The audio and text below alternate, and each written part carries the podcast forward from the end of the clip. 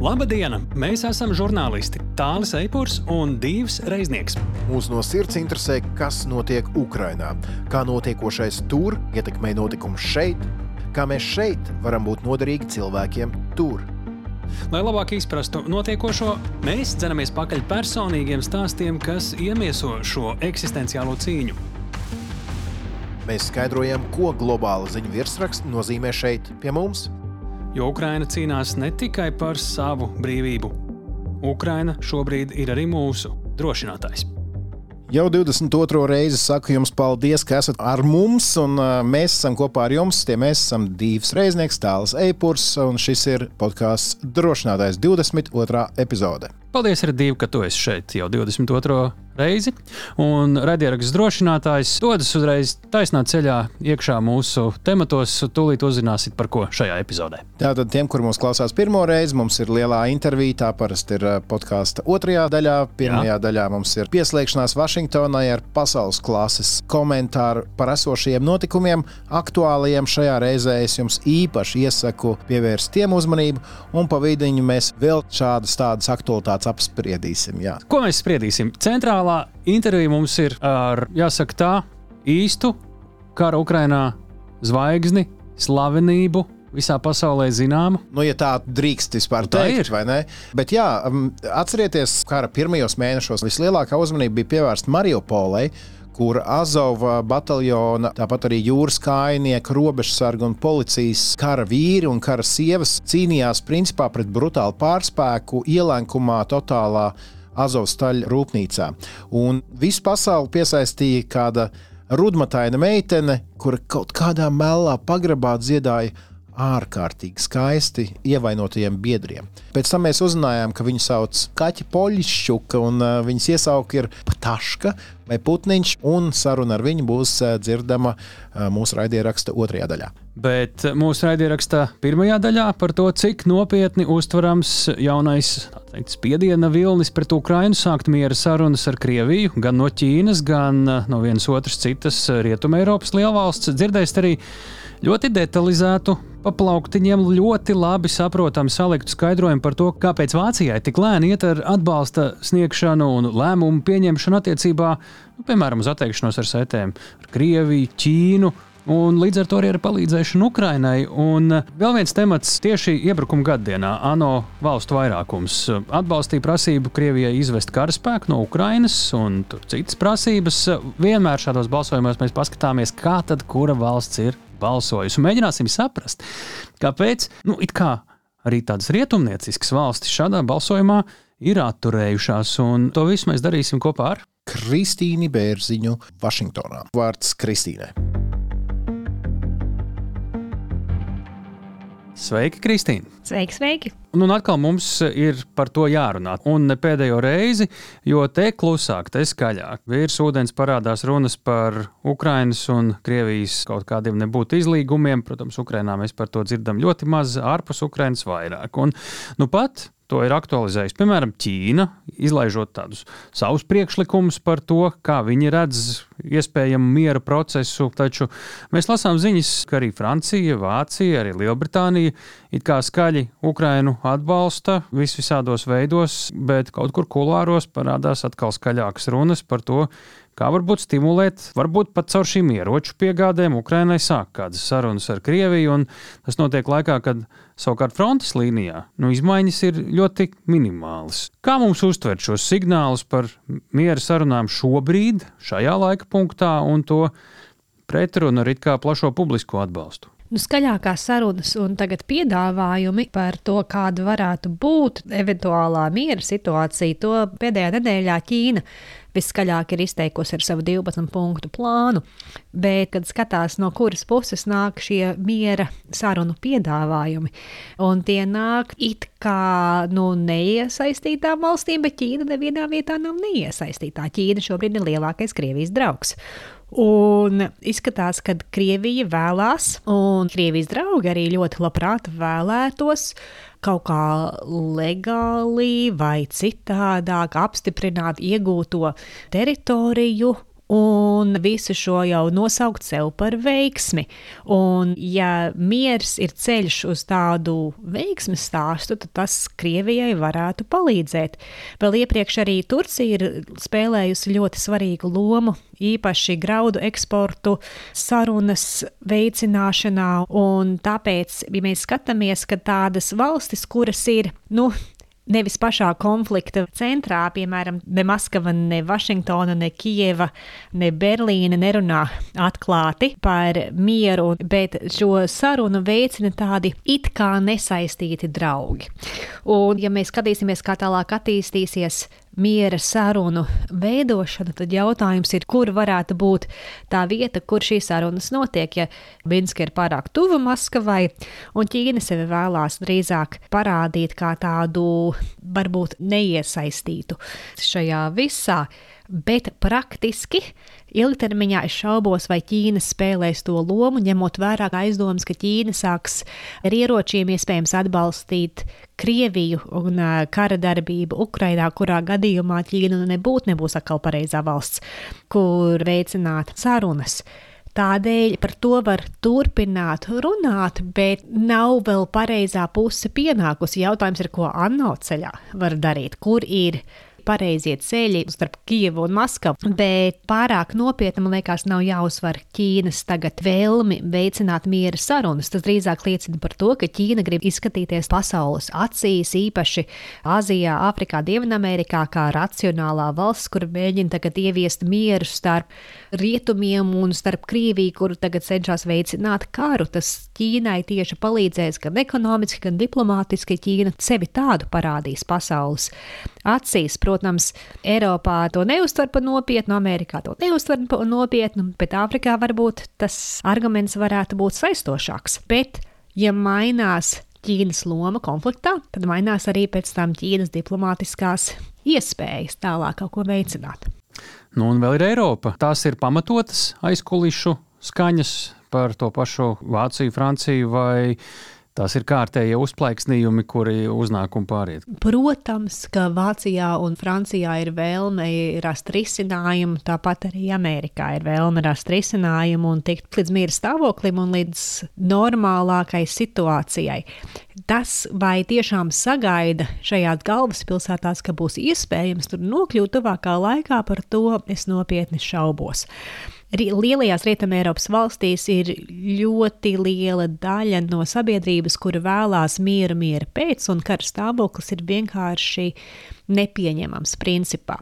Un tādā ziņā varbūt ir ļoti izdevīgi valdībām runāt par to, ka jābūt svarīgi arī nokļūt miera stāvoklī Eiropā tad tās varētu būt tādas iekšpolitiski vērstas runas, lai izskatītos, ka viņi mēģina vairāk, nevis reāli kaut kādu mēģinājumu. Bet tas absolūti palīdzētu. Tas absolūti palīdzētu, bet man liekas, ka neviens tagad nopietni nesagaida, ka varētu būt pie pašreizējā stāvokļa nopietnas miera runas. Ejam pie nākamā jautājuma. Skatāmies uz Vāciju. Te mūsu uzmanību pievērs stāsts par izslavēto Caitenvendi, jeb latviešu valodā to varētu saukt par ēras maiņu. Ļoti jau agri pēc Krievijas iebrukuma Vācija ar to nāca klajā par 100 miljārdu eiro finansējumu militārajām vajadzībām. Šalts paziņoja, šobrīd, kad eksperti paskatās, kas tad no tā visa šobrīd sanācis, neko lielu vai vismaz tik lielu, neviens nevar ieraudzīt. Vai tas piepūstais balons pildās ar ne tikai tukšu gaisu un runām, vai īsti tomēr nē, un galvenais jau, ko tas var nozīmēt arī Ukraiņas procesā? Lēnām mainās strateģiskā kultūra Berlīnē, bet mums nav šobrīd kanclers Berlīnē tāds, kurš vēlētos to ātrāk samainīt. Un uh, kanclers, kurš ir no sociāldemokrātiskās partijas puses, kuram Krievija agrāk ir likusies kā ārkārtīgi draudzīga valsts, un kura partija ir uzbūvējusi moderno pašreizējo Vāciju, izmantojot lētu Krievu gāzi, varbūt nevēlas pārāk ātri pārmesties. Un un eh, nostāties simtprocentīgi alianses pusē, lai gan Vācija ir ļoti lielā mērā atkarīga tieši no Amerikas, lai nodrošinātu savu drošību, ir ļoti grūti pārslēgties.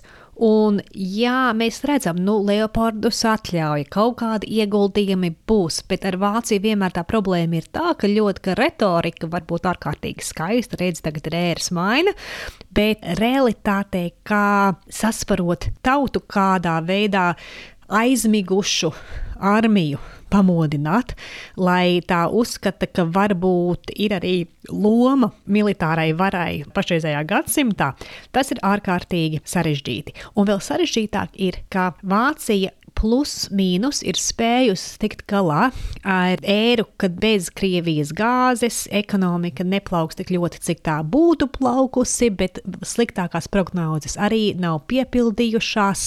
Klibodami, jā, viss plus mīnus iet pareizā virzienā, un tā cenšas tā kā, teiksim, narkomāns eh, tikt vaļā no Krievijas gāzes atkarības un puslīdz turās. Bet, ja mēs skatāmies uz to, kā var nākotnē būt un kādēļ varbūt kanclers un Vācijas elite nevēlas pārāk ātri neko mainīt, ir otrā problēma, kas ir Ķīna. Kādā veidā Vācija kļuva par mūsdienu Vāciju, Krievijas gāzi? Pirmais punkts, otrais punkts - eksporti uz Ķīnu. Un tur ir auto rūpniecība ārkārtīgi svarīga, ir arī ļoti svarīga ķimikāliju ražošana. Ja mēs skatāmies uz eksporta tirgiem, tad Ķīnai ir ārkārtīgi liela loma īpaši dažiem ārkārtīgi politiski svarīgiem uzņēmumiem. Un ja Ķīna tagad metīsies arvien vairāk Krievijas pusē, tad, ja Vācija varēja plus mīnus izturēt jauno ēru bez Krievijas, tad jautājums ir, vai Vācija varētu arī tikpat stingri savu nostāju noteikti pret Ķīnu, un tur gan retorika ir ārkārtīgi atšķirīga. Bet, ja ir ceitenvendi, ja ir ēras maiņa, ja Ķīna tagad atklās sevi daudz vairāk Krievijas pusē, gluži vienkārši Vācija vēl nav gatava ekonomiski to pieņemt. Un tas varētu būt ārkārtīgi sarežģīti visai aliansē, ja? tāpēc ka Vācija gribētu lēnāk, mierīgāk, prātīgāk un apgāzt abus ekonomikas principus lielākos varētu būt ārkārtīgi grūti. Vācija acīm redzot nevēlas to darīt, bet vai situācija vai Ķīna varētu piespiest Vācijai rīkoties agresīvāk un ātrāk nekā tā vēlētos, nu tas ir iespējams. Un tāpēc, jā, lietas mainās, ir saprašana, ka nevar tā kā iepriekš, bet tā realitāte, cik tas maksās, cik tas būs grūti un tīri psiholoģiski pārmesties citā, nu pavisam citā gadsimtā un saprast to, ka tas, kā Vācija ir rīkojusies, ka pirmkārt princips, ka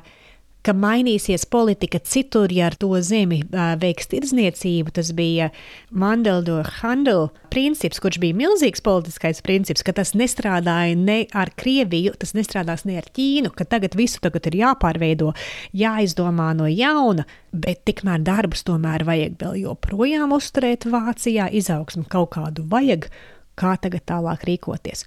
Un tāpēc ir jāsaprot, Vācijas, gan Leopardu sarunu, gan pārējās ar to milzīgo izaicinājumu, kas Vācijai būs izpildīt šo ceitenvendi, ēras maiņu.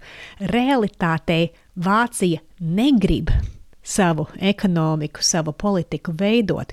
Pasaule Vācijai tagad piespiež izdomāt pavisam jaunu politiku. Šobrīd Vācijā tiek apspriesta pirmā strateģiskā nacionālā drošības stratēģija. Tāda nekad nav modernajā Vācijā uzrakstīta. Nekad Vācija nav izdomājusi, kā tagad veicināt, kā ievirzīt savu strateģisko kultūru. Par to notiek tagad mēnešiem garas diskusijas. Vācija nav līdz šim bijusi gatava risināt šīs dienas politiskās globālās problēmas, un Vācijas stiprākie, teiksim, pēdiņās ieroči, ekonomiskie līdzekļi, lai izdabātu citām autoritārām lielvarām, nestrādā mūsdienu apstākļos, un Vācija vēl nav izdomājusi savu pareizo ceļu, kā nesabrukt un veiksmīgi izgrozīties mūsdienu pasaulē. Un tas nozīmē, ka tas būs lēnām. Tas nozīmē, ka no Vācijas vienmēr vairāk sagaida, nekā Vācija ir mieru dot, un Vācija vienmēr lēnāk rīkojās, nekā mēs visi to vēlētos, īpaši Ukraiņas jautājumā. Šīs, man liekas, mūsu podkāstu vēsturē bija visdziļākais skaidrojums par to Vācijas sajūtu, Vācijas virzienu, dziļumu, lielumu problēmas. Un tas nav tikai par lēmumu, mēs gribam vai negribam palīdzēt Ukrainai. Tas ir daudz, daudz, daudz plašāk. Nu, un tad ir vēl trešā lieta, ko mēs esam jau krietnes dienas šeit apsmadzeņojuši. Katrs ir ANO balsojums. ANO balsojums ģenerālajā asamblējā iebrukuma gada dienā, tieši 24. februārī, un tur pārliecinošs valsts vairākums pieprasīja Krievijai nekavējoties, bez ierunām izvest savu karaspēku no Ukrainas, kā arī aicināja uz tādu taisnīgu, ilgstošu mieru. Un te par bija 141 valsts, atturējās 32, pret bija 7. Tur bez Krievijas un Baltkrievijas vēl paši saprotam Sīrija, Malija, Eritreja, nu vēl arī Kongo Demokrātiskā republika un Nikaragva. Ir te kaut kas tāds, kas mums būtu noteikti jāpamana. Svarīgi ir, kuras valstis, kurām ir ārkārtīgi arī labas attiecības ar Eiropu, ar Ameriku, kuras atturējās šajā balsojumā. Un jāpaskatās, piemēram, uz Dienvidāfriku. Dienvidāfrikā ir milzīgi ieguldījumi no ASV, piemēram, bet Dienvidāfrika pirmkārt atturējās, un otrkārt pēdējā nedēļas laikā sāka mācības ar Ķīnu un Krieviju Indijas okeānā, militārās mācības. Tas no dienas nerāda ne tikai atturēšanos, bet arī tādu strateģisku nostāju šajā brīdī ļoti tādā pro-krieviskā virzienā. Un ir jautājums par to, cik ļoti tagad Krievija atpelna atbalstu, kura Krievija deva tolaik vēl koloniāli apspiestām Āfrikas valstīm. Ir ļoti grūti daudzās Āfrikas valstīs saprast to, kā Krievija varētu būt imperiāla vara, ja Krievija bija tā valsts, kura toreiz Padomju Savienība atbalstīja Āfrikas valstis cīņā pret Eiropas koloniālām varām. Tātad pret Lielbritāniju, pret Franciju. Tās bija tās lielās, ļaunās, nospiedošās valstis, pret kurām bija jācīnās, un Maskava toreiz palīdzēja un arī izveidoja attiecības arī virsnieku kārtās ar Krievijas virsniekiem un Dienvidāfrikas virsniekiem.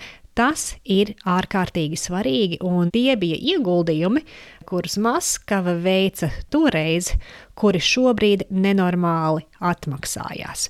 Un ir grūti, cik es saprotu, Āfrikā un citur pasaulē, Dienvidamerikā izskaidrot, kā Krievija varētu būt agresors, ka Krievija varētu nospiest mazākās valstis, tāpēc ka Krievijas loma šajās valstīs agrāk bija ārkārtīgi atšķirīga. Vēsture šobrīd ir tāds klupšanas akmens. Nav no svāra varbūt cik šobrīd iegulda, bet tāda sajūta, ka nu, toreiz, kad mums bija grūti, Krievija nāca mums palīgā, un vai mēs tiešām tagad ticam Londonai par to, kas notiek eh, Kijevā, varbūt mēs labāk ticēsim saviem draugiem. Un tas šobrīd arī nosaka, man liekas, tieši atturēšanās balsis. Arī tās valsts, kuras saka, o, nu, nopērts man, kurš man vairāk tagad iedos, Krievija, Ķīna vai, vai Eiropa, ASV. Es balsošu tā kā nu, pēc kabatas, bet bieži tas jautājums arī ir dziļāks. Tas ir tieši par vēsturi un par to, kas bija Padomju Savienība Āfrikā, Dienvidamerikā, Āzijā un daudzu valstu neatkarība neatkarības karos un centienos neatkarībai no Francijas, no Lielbritānijas. Un ka šobrīd vēl joprojām Maskavai ir tāda revolucionāra, morāli tiesiska reputācija, lai gan tā šobrīd ir pavisam nepamatota. Un tālūk ir dažādas realitātes. Nu jā, kaut vai paskatāmies uz Dienvidāfrikai kaimiņos esošo Namībiju, kur ir cietusi genocīdā no Vācijas, un to stāstu vēl ir daudz. Tas Dienvidāfrikas piemērs iespējams ir spilgtākais, bet ir vēl par katru valsti tur gandrīz kaut ko līdzīgā virzienā izstāstīt. Kristīna, jāsaka tev liels paldies par dziļo ekspertīzi visos trijos jautājumos. Mēs gaidām tevi atkal drošinātājā pēc nedēļas. Paldies un uz tikšanos! Paldies, Kristīne! Paldies arī tev, Tāli, par šo sarunu.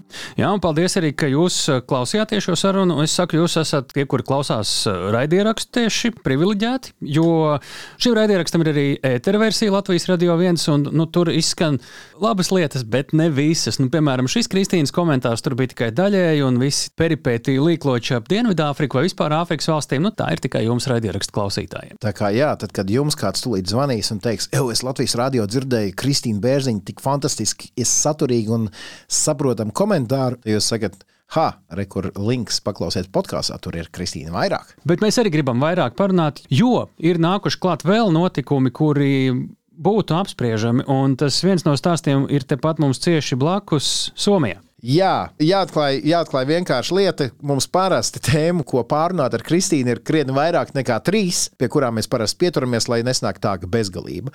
Un tā viena no tēmām ir Somija šonadēļ veids ļoti interesantu balsojumu. Tātad Somija un Zviedrija grib iestāties NATO. Kā kaimiņienes un labas draudzenes, viņas to grib darīt sadavušās rokās vienlaicīgi. Līdz šim gribēja. Jā, bet problēma ir tā, ka, lai iestātos NATO, jau esošajām dalību valstīm vienbalsīgi ir jāatbalsta jauno iestāšanās.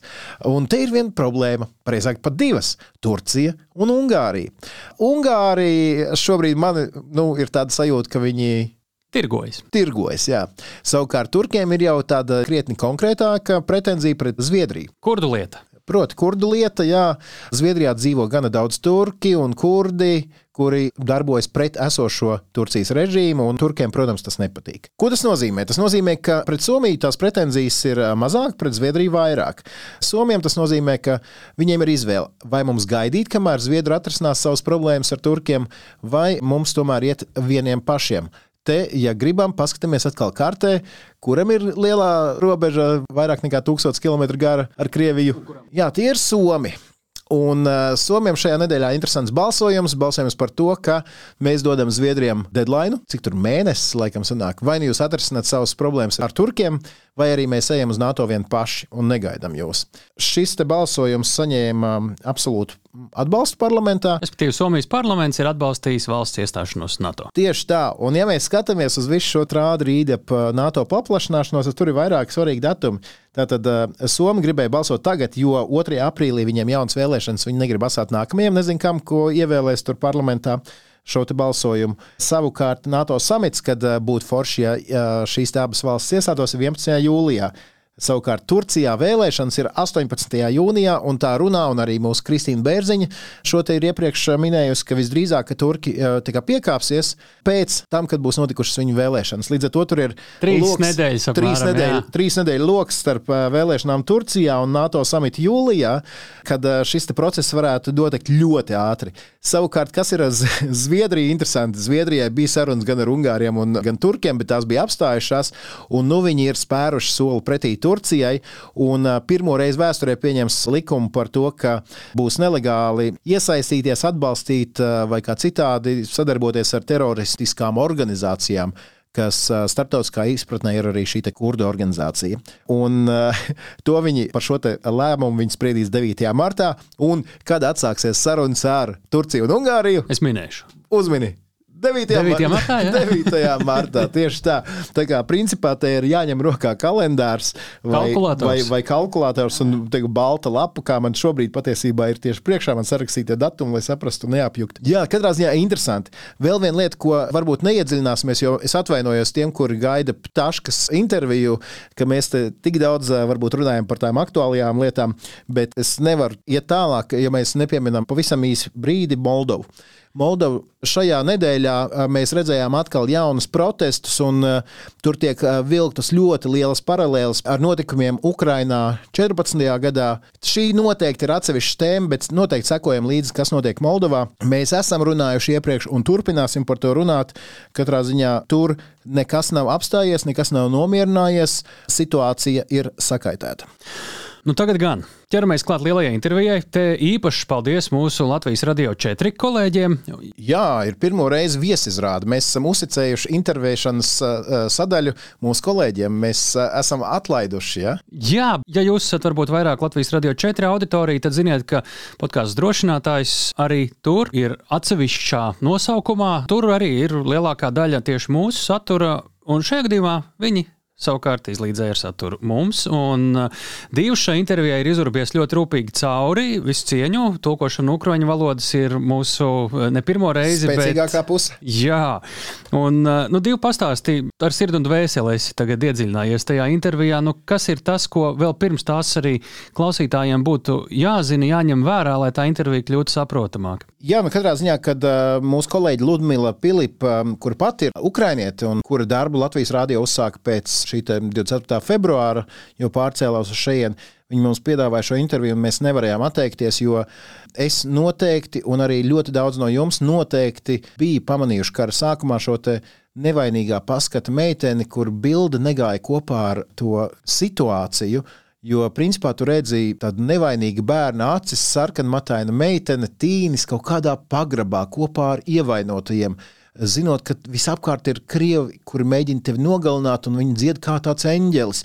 Varbūt nospēlējam nelielu fragmentiņu no tā, kā šī meitene kļuva slavena. Kā tas izklausījās? So українська держава, вільна і міцна, від Сяну по Кавказ. Соборна українська держава, вільна і міцна, від Сяну і по Кавказ. Так, от так ми і боремося в місті Герої Маріуполь. Nu, lūk, un nedaudz vēlāk mēs uzzinājām, ka Viņa kopā ar Azovu vīriem un eh, robežsargiem un eh, jūras kainiekiem, viņiem Zelenskis pavēlēja padoties. Pati Ptaška arī intervijā atklās, ka viņa patiesībā sākumā eh, negribēja pildīt šo pavēli, bet tā kā viņa nav militāra persona, viņa tur varēja mēģināt kaut ko, bet nē, viņa kopā ar pārējiem devās gūstā. Viņa ir atbrīvota. Un tagad viņa patiesībā šo savu atpazīstamību izmanto dažādos veidos, lai atgādinātu par karu, lai stāstītu par savu pieredzi. Un, uh, mums ir liels prieks jums arī piedāvāt sarunu par to, kā viņi vispār nokļuva šajā Azovstaļu rūpnīcā. Un patiesībā jā, viņa nav militāra persona, viņa ir mediķe. Brīvprātīgā, un 24. februāris nebūtu nebija tas datums, kad viņa sāk ar šo nodarboties. Viņas uh, pieredze, kauju pieredze, ir jau nedaudz lielāka. Bet par to, lai stāsta viņa pati. Bet pirms sākam sarunu, atgādinām, ka katru no mūsu sarunām jūs varat dzirdēt gan oriģinālu valodā, šajā gadījumā tā būs ukraiņu valoda, gan, protams, ar tulkojumu latviešu valodā. Dažādās raidierakstu straumēšanas vietnēs tad arī izvēlieties epizodi, kur vai nu iekavās ierakstīts oriģinālu valodā vai ar tulkojumu. Nu, šajā gadījumā ukrāņu valoda jums varētu būt izaicinājums, bet jūs varat pirms latviešu, pēc tam ukrāniski mācību nolūkos. Tātad, tūlīt jūs dzirdēsiet kaķu polišķuku, zinām, kā ptašku, jeb latviešu putniņš, un viņu intervēs Ludmila Pilipa. Nu, початку, будь ласка. Vispirms lūdzu iepazīstiniet ar sevi. Мене звати Катерина Поліщук, більше відома як пташка. Mans vārds ir Katerina Polišķuka. Labāk esmu pazīstama kā Putniņš, Mariupoles aizstāve. Frontē karoju kopš 2021. gada pavasara, bet 24. februāri, kad sākās Krievijas visaptverošais iebrukums, es sagaidīju kā brīvprātīgais paramediķis Mariupoles tūmā. Tad arī pieņēmu lēmumu aizstāvēt Mariupoli līdz beigām Захищати Маріуполь до останнього. А чим ким ви були, чим займалися? Ar ko nodarbojāties līdz visaptverošā iebrukuma sākumam? Nu, взагалі, я, коли війна почалася, мені... Kad sākās karš, man bija 13 gadi, un jau tad es sapratu, ka iešu karot taču pirms tam gribēju iegūt izglītību, kas nebūtu saistīta ar militāro jomu. Tādēļ augstskolā apguvu klasisko dziedāšanu, tāpat strādāju motosporta komandā, biju arī brīvprātīgā, kā arī spēlēju teātrī. Kad sasniedzu 20 gadu vecumu, devos karā. Vispirms pusgadu Luhanskas reģionā, tad pusgadu Doņetskas apgabalā, un tad arī sākās visaptverošais iebrukums почалось повномасштабне вторгнення. Тобто ви на мотоциклах? Tad sanāk, ka braucāt ar motocikliem? Так, я, nu, взагалі я... Jā, es biju motosporta komandas administratore, bet arī pati braucu. À, nu, Jums patika? Protams. Tas ir interesanti. Tātad jūs bijāt karā jau pirms lielā iebrukuma, bet kā jūsu dzīve izmainīja tieši 24. februāris?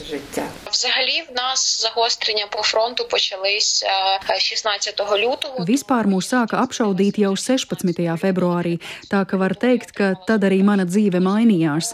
19. februārī dabūju pirmo kontūziju. Sanāk, ka mans karš sākās nedaudz agrāk. Tajā brīdī visa fronte kļuva krietni aktīvāka. Jāsaprot, ka ilgu laiku līdz tam karš pārsvarā bija tādas ierakumu cīņas. Pozīcijas ilgi bija vienas un tās pašas, visi bija ierakušies un jau pieraduši pie tā, bija samērā mierīgi. Nu, vismaz salīdzinot ar to, ko vēlāk piedzīvojām Mariupolē.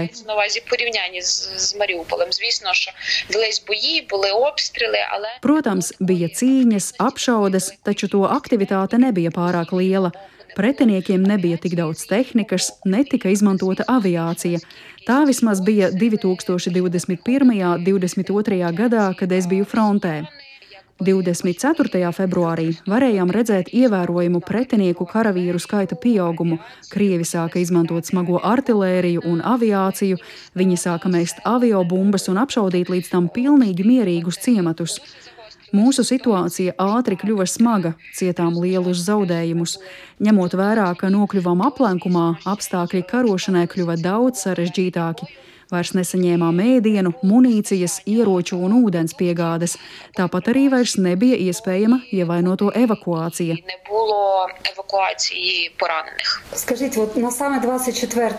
Sakiet, kur jūs bijāt 24. februārī? Mariupolē? Nē, es biju ciematā netālu no Mariupoles, kur biju cīnījusies nedaudz mazāk par pusgadu. No turienes mēs atkāpāmies 28. februārī. 1. martā iegājām Mariupolē, precīzāk Volnotrivkas ciemā. Un kā galu galā nonācāt Azovstaļu rūpnīcas teritorijā? Справа в тому, що в квітні числа 10-го просто nu, aprīlī. Šķiet, tas bija 10. aprīlī. Ziniet, man ir problēmas ar datumiem, jo atmiņā daudz kas saplūdis kopā. 13. aprīlī mēs jau noteikti bijām Azovstaļā. Dažas dienas pirms tam notika specifiska kaujas operācija, kurā mūsu desantnieki vai nu gribēja izlausties vai atkāpties. Es pat īsti nezinu. Un sanāca tā, ka es tobrīd braucu Kamazā ar ievainotajiem, un pa mūsu mašīnas aizmuguri trāpīja 152. kalibra šāviņš. Es tiku ievainota otro reizi, jo pirms tam man bija jau vēl viens ievainojums. Bet šī šāviņa rezultātā tika paralizēta mana roka, tā pati, kas bija ievainota jau pirms tam. Galu galā mums nesanāca izbraukt kā plānots, un nācās palikt Iļiča metālurģiskā kombināta teritorijā. Tobrīd mums palika divas iespējas. Vai nu mazās grupās censties izrauties no pilsētas, vai pārcelties uz netālu esošo Azovstaļu teritoriju. Lai arī sapratām, ka Azovstaļa principā būs brāļu kapi, jo rūpnīca ir pie paša krasta un kreisajā pusē jau bija krievi, tomēr devos turp, jo biju ievainota. Man šķita, ka vēlāk nevarēšu sev piedot, ja pamestu ievainotos un mierīgi dotos mājās un dzīvotu tur. Es nolēmu, ka labāk ir krist kaujā, nevis kļūt par muļķi, kas nekad sev nepiedos savu ieroču brāļu pamešanu.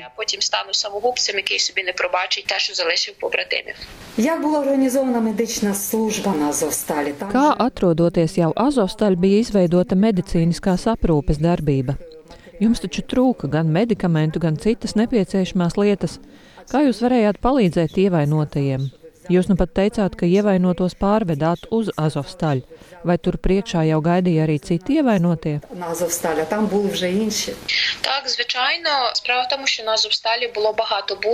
Jā, protams, Azovstaļu teritorijā ir ļoti daudz bunkuru.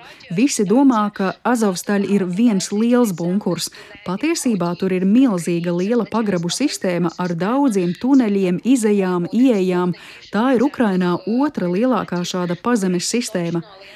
Man jāsaka, ka pat pēc tam, kad tur pati biju, patiesos šīs pazemes infrastruktūras apjomus līdz galam neaptveru arī es.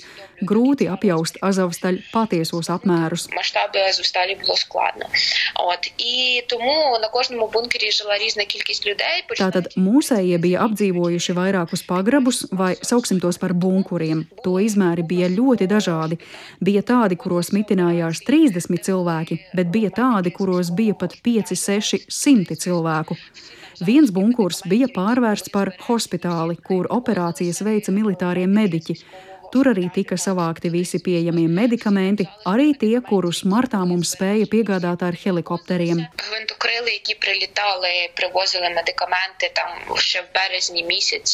Mediķu mums bija ļoti maz, tādēļ man nācās strādāt pat 20 stundām diennaktī ar manu kreiso roku. Tā arī bija ievainota, bet pakustināt varēju. Mūsu viegli ievainotie puiši ik pa brīdim gāja laukā, lai pa teritoriju, angāros, biroja ēkās meklētu aptieciņas, bet tajās bija pirmās nepieciešamības lietas - saites, jods, zaļonka, marles.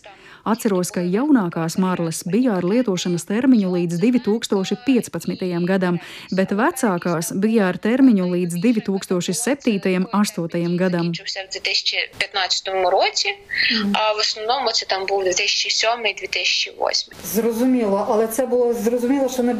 Bet iet ārā no bunkuriem un meklēt šīs aptieciņas taču noteikti bija bīstami, vai ne? Vai bija gadījumi, kad kāds devās šajā uzdevumā un neatgriezās?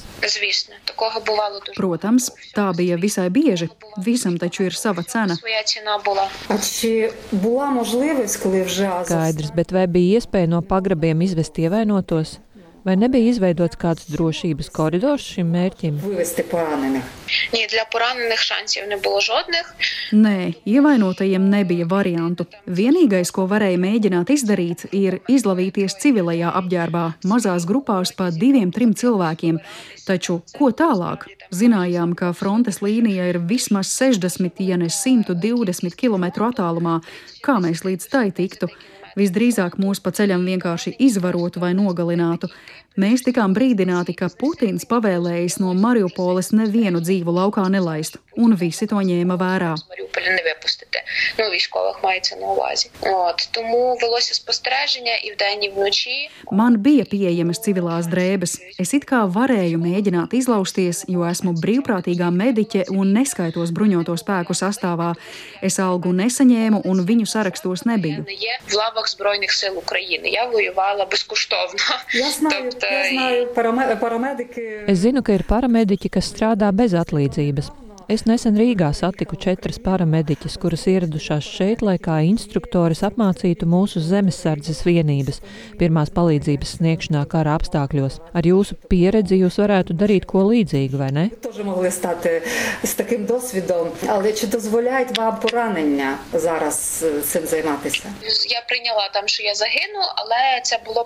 Ziniet, es jau biju samierinājusies ar domu, ka miršu, ņemot vērā, ka viena mana roka bija paralizēta, nevarēju nevarēju izdarīt tik daudz, kā gribētu. Taču pašā beigās, jau maijā, mana roka atkal nedaudz sāka kustēties. Es jau visu laiku to masēju un darīju, ko varēju. Cik dienas pavadījāt Azovstaļā? Vai skaitījāt? Tās bija nedēļas, mēneši. Знаєте, у мене не ну у мене не розділяє. Ну я не розумію, чого так всі Es īsti nesaprotu, kāpēc cilvēki tik ļoti nokoncentrējušies tieši uz Azovstaļu. Nu, labi, saprotu, ka tas jau ir kā simbols, taču pašā Mariupolē mēs bijām sākot no 1. mārta līdz 21. maijam, kad izgājām laukā. Vai tas bija 19. maijs, es tagad uzreiz nepateikšu. Taču pašā Azovstaļā mēs, kā jau teicu, pārcēlāmies daudz vēlāk. Pirms tam piedalījāmies daudzās cīņās citviet pilsētā, un tās bija ne mazāk smagas kā vēlāk jau Azovstaļa teritorijā.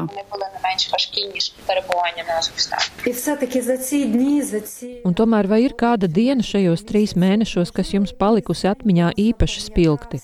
Varbūt tā diena, kad dziedājāt, un šis video apskrēja pusi pasaules. Ziniet, grūti pateikt. No vienas puses tur visas dienas bija vienādas, no otras neviena diena nelīdzinājās citai. Mēs visu laiku pārvietojāmies, visu laiku zaudējām biedrus, visu laiku arī dziedājos visu laiku par to video, ko pieminējāt, es patiesībā nemaz nemanīju, ka puiši to nofilmēja un pēc tam bez manas ziņas ielika internetā. Man tiešām tā reize nav palikusi atmiņā. Mēs, kas tur bijām, atceramies ievainotos, protams, atceramies katru kritušo un atceramies arī patīkamos mirkļus. Tie bija tad, kad tikām pie tējas ar cukuru. Momentam, tas bija čais cukrum, nu, prosto, to tā. Čais cukrum. Tēja ar cukuru. Tā bija reta iespēja tikt pie tējas ar cukuru. Protams, protams, ja pusdienās dabūja tēju ar cukuru, tas bija liels retums. Puisši kādā no angāriem bija atraduši paciņu ar ananāsu tēju un pagatavoja to man ar cukuru. Un tad es tur sēdēju, dzēru, un mani pārņēma sajūta, ka dzeru vasaru. Tu aizver acis, iztēlojies zirgus, kas auļo pa lauku, un viņus apspīd saules stari. Man pašai tik augsti, bet aizver acis un redzi, kā zirgi skrien, un tevi apspīd saulīte Коники стрибають по травичці, і сонечко світить на обличчя. Що ви співали? Ko parasti dziedājāt? Веселі якісь пісні про любов, повстанські. Ну, Dažādas dziesmas par mīlestību, par pretošanos. Diemžēl man nesanāca dziedāt daudz mūsu puišiem. Viņi lūdza nedziedāt. ну, про себе не співати. Ви співали хлопцям? Jūs dziedājāt puišiem vai sev? Я співала хлопцям. Це, але це Dziedāju puišiem, bet savā ziņā arī sev. Tā šķitu kaut kā noderīga, lai viņi iedvesmojas, lai aug kaujas gars, lai redz, ka esmu kopā ar viņiem, atbalstu viņus, visu laiku uzmundrinu un cenšos radīt kopības garu. Visi saprata, ka mirsim. Biju ar to jau samierinājusies, tādēļ varu par to runāt mierīgi. 16. martā nomira mans labākais draugs. 17. martā nomira mans līgavainis. Tā ka pēc tam es vairs īpaši ne uz ko necerēju nu, nenadzīvēs problēmu. Un kādas bija sajūtas, kad izdzirdējāt par pavēli padoties gūstā? Pirmā doma, protams, bija nepakļauties pavēlei, taču, lai arī neesmu militāra persona, es nevarēju iedomāties atstāt savus ieroču biedrus. Es sapratu, ka man jārāda piemērs, jo viņi visi ir īsti cīnītāji, īsti varoņi un bez vārda runas turpinātu cīnīties. Bet es sapratu, ka gūstā būsim mēs visi. Es viņiem teicu, puiši, es eju ar jums. Tas bija ļoti smagi manai dvēselē, jo man personīgi bija vieglāk nomirt nekā nonākt krievu rokās. Saprotu, ka par laiku, kas pavadīts gūstā, negribat runāt. Nevis negribu, bet nedrīkstu. Tas var apgrūtināt manu ieroču biedru dzīves apstākļus ieslodzījumā. Skaidrs. Vai varat mums ko pastāstīt par gūstekņu apmaiņu? Kā tā notika un kādas bija sajūtas nonākot atpakaļ uz savas zemes? на ту землю. Ну. Es teikšu, Земля українська вся, але вибачте, я Nē, nu tā visa zeme ir Ukrāņu. Es atvainojos, ka tā noformulēju. Es domāju, zeme. Підконтрольна Україні територія. Ukrainas kontrolētajā teritorijā. Jā, jā, tieši tā. так, так, так. Звісно, е, можу про, про обмін, можу розповісти. Ми не знали, що ми їдемо на обмін. Jā, par gūstekņu apmaiņu varu pastāstīt. Nezināju, ka mūs ved uz apmaiņu. Iepriekš man pa kluso kāds pateica, ka mūs pārvedīs uz citu koloniju, daudz sliktāku. Es meitenēm teicu, sagatavojamies uz ļaunāko, lai pēc tam nebūtu jāviļas par kaut kādām viltus cerībām. Ceļā pavadījām divas dienas, gan ar lidmašīnu, gan kravas mašīnu braucām. Tas bija ilgs un nogurdinošs brauciens. Es pirms tam dažas dienas gandrīz vispār nebiju gulējusi, tādēļ kādā brīdī vienkārši atslēdzos. Es nezinu, uz cik ilgu laiku, piecām minūtēm vai divām stundām, bet ne ilgāk, un pamodos es brīdī, kad izdzirdēju divus vārdus ukrāņu valodā. Jūsu vārds? Два українських слова, ваше прізвище. І все. Це, це скотч з очей зірваний моментально разом з половиною. Un viss momentā norāva man skoču no mutes līdz ar pusi maniem matiem. Un es jau biju laimīga, un es tik gribēju, lai pēc iespējas ātrāk tiekam prom no krieviem. Tad mani izveda ārā no autobusa un teica, lai neuztraucos. Tu esi Ukrainā. Godīgi sakot, biju domājusi, ka šajā situācijā raudāšu, bet neraudāju. Pirmo reizi pēc atbrīvošanas es raudāju, kad ieraudzīju Ukrainas karogu.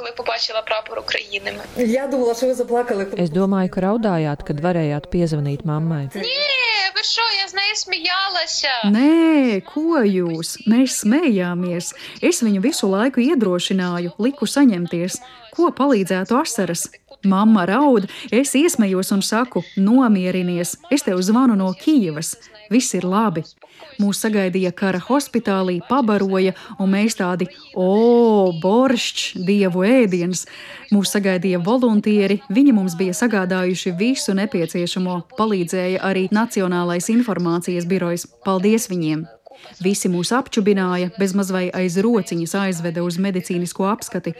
Paldies Dievam, vēl aizvien uzturam sakarus, ik pa brīdim pavaicā, vai mums ko nevajag, palīdzēja mums atjaunot dokumentus, jo Krievi neatdeva.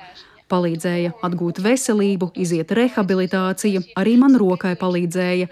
Tā ka Ukraina par mums parūpējās, Ukraina par mums cīnījās, un Ukraina cīnās arī par visiem pārējiem. Esmu lepna par savu valsti. Lai kāds tur ko teiktu, es zinu, ka Ukraina ir labākā un stiprākā. Mēs kopā visu pārvarēsim, kamēr ir tādi cilvēki kā mēs, kamēr ir tāds gars, mēs cīnīsimies. Поки є незламний дух, ми будемо боротися. Nu, tas izklausās pēc jums, bet ko darāt tagad? Šobrīd es to sauktu par darbu diplomātiskajā un mediju jomā. Mans stāsts jau ir daļa no vēstures. Tas atgādina par biedriem, kas vēl aizvien ir gūstā. Tas arī motivē armiju, jo, protams, ka šis ir ļoti sarežģīts karš. Es tiekos ar studentiem, bērniem, piedalos radošās aktivitātēs. Pamatā mans mērķis ir kara gūstekņu atbrīvošana, kā arī palīdzības vākšana Ukrainai no Eiropas un citiem ārvalstu partneriem. Esmu bijusi Eiropas parlamentā, Turcijā, Spānijas izdevniecībā El Español. Tur saņēmu īpašu apbalvojumu, kas godā Azovstaļu cīnītājus, un šodien, burtiski pēc dažām stundām, man jādodas ceļā uz Vāciju. Es jūs vairs neaizturēšu, bet sakiet, cik no tiem, kuri bija Azovstaļi, vēl aizvien atrodas gūstā? Ļoti daudz, taču es nezinu, cik no viņiem ir dzīvi, jo atcerieties, ka bija Oleņivkas traģēdija, un mēs nezinām precīzus skaitļus. Taču skaidrs, ka daudzi ukrāņi ir gūstā. Un es nerunāju tikai par maniem biedriem no Azovstaļa laikiem. Esmu laimīga par ikvienu ukrāņu karavīru, kuram izdevies atgriezties, vai tas būtu no Bahmutas, Hersonas vai kādas citas vietas. Zinu, ka tādu vēl ir daudz, tūkstošos.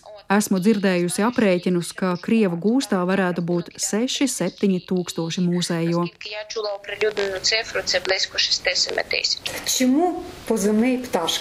Kāpēc jūs iesaukuši par putniņu? Pat izvēlējāties šādu iesauku vai kāds jūs tā iesauca? Я, ну, як ми з друзями сиділи Reiz ar draugiem sēdējām, runājām, atcerējāmies kādu izrādi, kurā spēlēju meiteni ar iesauku Putniņš. Tā arī iegājās. Bez tam es gan dziedu, gan runāju daudz, tā ka visai atbilstoši. Я вам бажаю всього найкращого. Я бажаю Es novēlu jums visu to labāko, novēlu Ukrainas uzvaru. Es daudz runāju ar Ukrāņiem un saprotu, ka vispirms mums jāizcīna katram sava uzvara, un tā sajūta ir daudzos. Un kad ir gūta šī uzvara, kas it kā ir maza, bet saliekot kopā, tad nāk arī lielā uzvara. Es saprotu, nebūs ātri, bet būs. Kā jums šķiet? Але буде. Як ви думаєте? Я впевнена, що вона буде, тому що в нас немає іншого виходу. вибору. Esmu pilnīgi pārliecināta, ka būs, jo mums jau nav citu variantu. Krievija ir nolemta zaudējumam, jo tieši tā uzsāka karu pret tautu, kuru nekas nevar salauzt. Un vēl gribēju piebilst, ziniet, neviens jau vairs nav jāpārliecina, jo taisnība ir mūsu pusē, esam savā zemē. Es pat nepieļauju nekādus citus variantus. Tā ka jā, ceļš būs garš un grūts, to mēs saprotam. Mūsu pretinieks ir spēcīgs, nevajag to novērtēt par zemu. Viņiem ir gan cilvēku masas, gan nauda, ko šajā karā ieguldīt. Bet mums ir sirds, dvēsele, gars. Mums ir tāds pasaules atbalsts, un es gribu pateikties arī Latvijas varas iestādēm un sabiedrībai par jūsu atbalstu. Paldies visiem, kuri mūs atbalsta, kuri par mums aizlūdz, kuri palīdz mūsu bēgļiem, kuri atbalsta mūsu armiju, voluntierus un bērnus.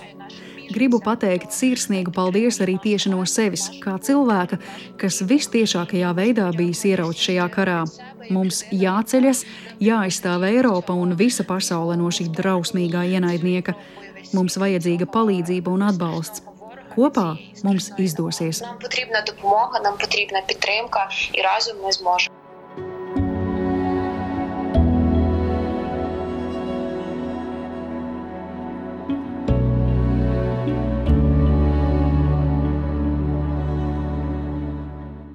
Lielas paldies Putniņam, Ptaškai, Kaķai Polišķukai un, protams, Ludmilai Pilipai, kolēģiem no Latvijas Radio 4. kolēģei no Ukrainas. Ļoti, ļoti vērtīga atgriešanās gada un nedaudz mazāk senā vēsturē, bet Putniņš, Ptāška turpina savas aktivitātes. Jā, viņi, kā jau pieminēja, sarunā brauc uz Berlīni. Un tagad mēs zinām, ko viņi Berlīnē darīja. Viņi satikās ar politiķiem un tā, bet arī piedalījās kara gada dienas piemiņas pasākumā un izpildīja vienu īpašu dziesmu, ar kuru mēs arī gribētu atvadīties. Šī dziesma ir Pliva Kača, kuras, starp citu, varēja dzirdēt arī Gaudījāmas brīnišķīgā izpildījumā gada dienas pasākumā Rīgas cirkā. Tā ir dziesma, kas 2014. Eh, gadā kļuva par tādu kā pretošanās himnu. Tā tika atskaņota tad, kad notika publiskās atvadas no šiem simts civiliem iedzīvotājiem, kurus bija nogalinājusi milicija. Tā ir tā kā tradīcija jau tagad Ukrainā, ka šī dziesma skan uh, daudzās atvadu ceremonijās. Jā, principā jā, tā ir uh, Ukraiņu tautas dziesma. Atvadu dziesma, bērnu dziesma. Noteikti daudz redzētu video, kad Ukrainā ved kritušā karavīra zārku pa ceļu. Piemēram, viņa dzimtajā ciemā cilvēki ceļa malās nokrīt uz ceļiem, un ļoti bieži skan tieši pliva kača. Šis bija podkāsts Drošinātājs 22. epizode. Tiekamies jau pēc nedēļas. Rakstiet mums drošinātājs Latvijas Rādio LV. Ja lietojat Twitter vai kādus citus sociālos kontus, lietojiet hashtag drošinātājs, rakstiet mums, mums interesē jūsu viedoklis, un, ja jums šķita interesants šis raidieraksts, tad noteikti padalieties ar saiti, aizsūtiet tam, kur tas varētu interesēt.